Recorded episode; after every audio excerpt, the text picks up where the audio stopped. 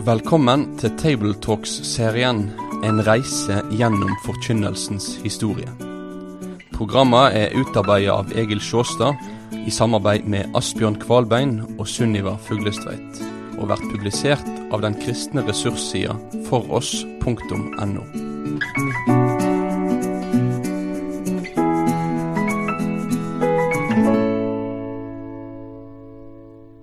Velkommen til en ny episode av denne reisen gjennom forkynnelsens historie.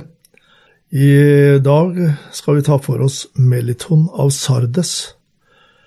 Han var tilsynsmann i Sardes rundt 180. Og det er hans påskepreken og hans bruk av Det gamle testamentet som vi skal ta utgangspunkt i. Med Oldkirka mener vi tida fra apostlenes død til ca. år 500. Den første stasjonen vi stanser ved i Oldkirka, er altså en påskepreken. Den gir oss en mulighet til å gå litt inn på hvordan GT-fortellinga kunne brukes i den eldste kristentid, også utenfor jødekristne miljøer. Og forkynneren er altså Meliton av Sardes. I Sardes var påska godt etablert allerede rundt år 170. Meliton var tilsynsmann, og han var lenge kjent for en påskepreken som dessverre har gått tapt. Det var kirkehistorikeren Eusebius på rundt 300 som fortalte at teksten for den berømte prekenen var Andre Mosebok 12.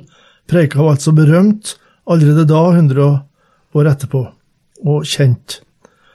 Og teksten om Andre Mosebok 12 om Israels påskefeiring i Egypt var utgangspunktet. Og så skjedde det rundt år 1930 at preika ble funnet en plass i Egypt og uh, henta fram, og forskerne har da arbeidet mye med den preika. La oss her skyte inn en problemstilling som alle prekenhistorikere sliter med. Vi har nemlig ikke noe live-opptak av forkynnelsen gjennom historien. Dermed må vi bare forholde oss til de skriftlige nedslag og til andres omtale. Vi skulle gjerne ha sett hvordan Meliton oppførte seg på talerstolen. Kunne gjerne hørt den, stemmebruken hans, hvordan han brukte en skriftlig utarbeidet tale på den måten her, og holdt den i kontakt med en forsamling, hvor mange som var til stede, hva slags type lokale det var, hvor modne hans tilhørere var, hva de hadde kjennskap til fra før. For å forkynne en og annen enn å utgi en tale skriftlig. Men alt dette er i liten grad kjent for oss. Vi har heldigvis for oss en, et grundig utarbeidet manus, og det er så poetisk skrevet at vi må anta at Meliton ofte forkynte med helt andre typer manus. Vi kan derfor ikke av denne preika trekke slutninger om den typiske forkynnelsen på Melitons tid. Men vi lærer litt, sjøl om Melitons påskepreken neppe var noen gjennomsnittspreken. Den var skrevet i en levende og nesten overdrivet poetisk form, og viser hvordan forkynnere i Oldkirka kunne bruke Det gamle testamentet, og det er årsaken til dette utvalget av Melitons preken. Gjenfortellingen av det som skjedde i Egypt, det hører med i prekenens ingress. Og mens sauen ble slaktet, påskelammet spist, og mysteriet fullbyrdet, folket gledet seg, Israel beseilet, da kom engelen for å ramme Egypt. Meliton nøyer seg ikke med teksten i Andre Mosebok 12. Han understreker hvordan mange begivenheter i Det gamle testamentet skal betraktes som forbilder på Kristus. Her tenker han på samme måten som Krysostimos gjorde 100, eh, nesten 200 år etterpå, at mye av det som skjedde, og som er gjenfortalt i Det gamle testamentet, er å betrakte som hendelsenes profeti.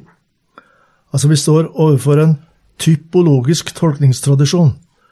Det innebærer at en framstiller hendelser, ordninger eller personer i Det gamle testamentet som forbilde på noe større i Det nye testamentet.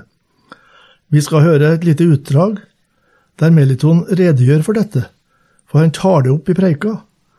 Han ser i GT en rekke modeller eller forbilder. Og, sier han, liksom kunstnere lager modeller før de lager selve verket, er mye i GT modeller som det endelige verket i Kristus er laga etter. Med forbildet har det seg slik. Det lages ikke som det endelige verk, men som en modell for at man gjennom den kan se det fremtidige verk. Derfor lages førsteutkast til det kommende verk, av voks eller leire eller tre, slik at det fremtidige verk, større i høyde, sterkere i kraft, vakrere i formen og rikere i utsmykningen, kan ses i den lille og forløpige modell. Vil du se Herrens mysterium, se på Abel, som ble myrdet som han, på Isak, som ble bundet som han, på Josef, som ble solgt som han, på Moses, som ble utsatt som han, på David, som ble forfulgt som han, på profetene som led for Kristus som han, Kristus selv. Meliton reflekterer altså både over jødenes påskefeiring og over personer i Det gamle testamentet som trer fram som forbilder, sånn som Paulus sier, på vårt påskelam som er slaktet. Det er Kristus.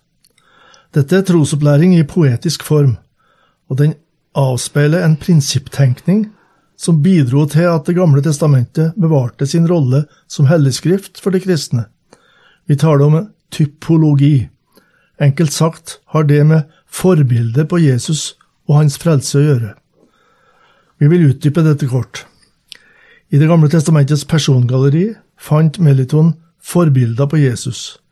I begivenhetene fant han mønster for hvordan Gud handler med menigheten som sitt folk. I Det gamle testamentets institusjoner, offerordninger, fant han typiske trekk som peker fram mot den kommende virkeligheten i Messias-tida. Denne metoden har en, et åpenbaringshistorisk utgangspunkt. Gud har i Det gamle testamentet ennå ikke åpenbart sitt råd fullt og helt. GT er vitnesbyrd fra den forløpige fasen, og disse vitnesbyrdene har sitt motstykke i oppfyllelsen. De er typer, modeller, forbilder på det som skulle komme.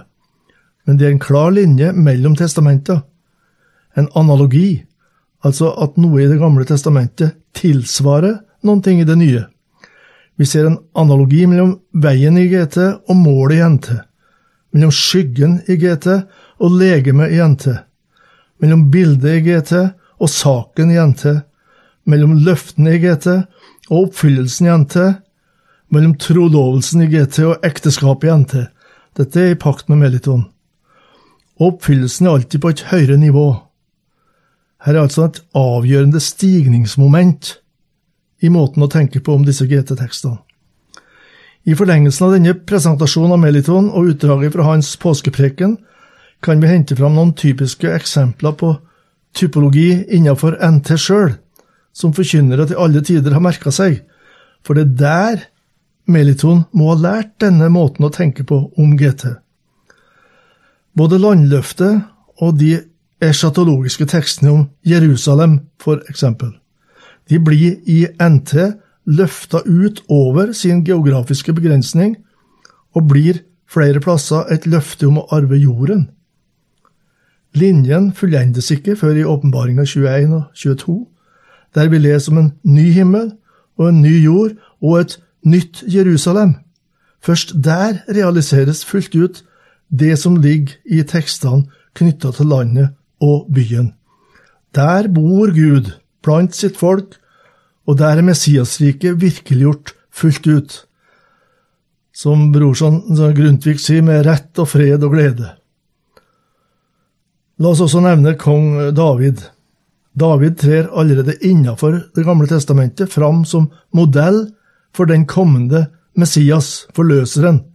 Jesus er Davidssønnen, sier evangelistene. Lukas' juleevangeliet nevner David flere ganger, for den nye Davidssønnen realiserer fullt ut de løftene om en kommende Davidssønn.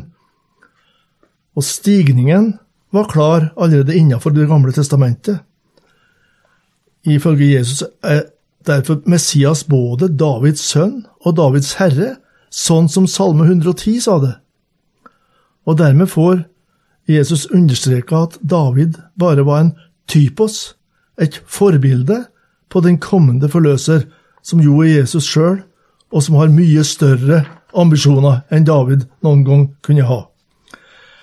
Vi ser senere litt på fenomenet allegori. Mens allegorien arbeider med et som om, så opererer typologien med et liksom. Her er et lite utdrag fra boken Med GT på vei til talerstolen. Det sammenfatter hvordan NT tolker hendelser og ordninger i GT som forbilder på noe større. Liksom påskelammet i Egypt så Jesus. Liksom Moses bar for folket, så eller slik bar Jesus for menigheten. Liksom folket gikk gjennom havet, frelses vi gjennom dåpen. Liksom folket vandret i ørkentiden på vei til løfteslandet, er vi troende på vei gjennom ørkenen mot Guds evige rike. Exodus-fortellingen og enkeltheten i denne, som for eksempel klippen, kobberslangen og mannaen, har mange motbilder i den nye pakt, jf. første kor 10, 1-11. Det samme gjelder teksten om inngangen i Kanans land. Liksom den store forsoningsdagen, så langfredag. Liksom Josva førte folket inn over Jordan, inn i landet, så fører Jesus gjennom livet og gjennom døden inn til løftesland. Liksom sabbaten, så hvilen i himmelen.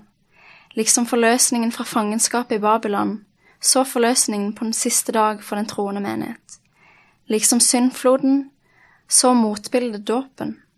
Og like som tempelsrelselsen i Israel, så bot og oppgjør i menighetens liv, osv. Mønsteret var altså et liksom, så eller slik. Og innenfor Bibelen har vi mye av dette som de nå fikk høytlest av Sunniva her, på en så fin måte. Innenfor NT sjøl er det dermed mye typologisk tolkning. Noen ganger møter vi et typos-antitypos-skjema. For eksempel at Jesus er på mange måter en antitype til Adam. Romerne 5 handler om det. At GT inneholder forbilder på det som skulle komme, innebærer derfor noen gang at oppfyllelsen ikke bare sprenger rammen for modellen, men representerer det motsatte av modellen. Vi kan merke oss Melitons grep. Han opererer med et liksom så, der begivenhetene i GT var historisk. De har skjedd. De er ikke bare oppdikta for å formidle en åndelig sannhet. De skjedde i historien, og det betydde noen ting der og da, sjøl om vi i forkynnelsen har lov til å trekke linja fram imot Jesus og hvordan Gud handler i den nye pakts tid. Og med det skal vi gå over til et nytt moment som eh, vi tar opp i neste episode. Takk for at du har vært med på denne reisa gjennom forkynnelsens historie. Vil du lese mer om temaet? Da kan du kontakte oss på postalfakrøllfoross.no for å bestille denne serien i bokform. Besøk òg gjerne foross.no for å finne flere aktuelle ressurser.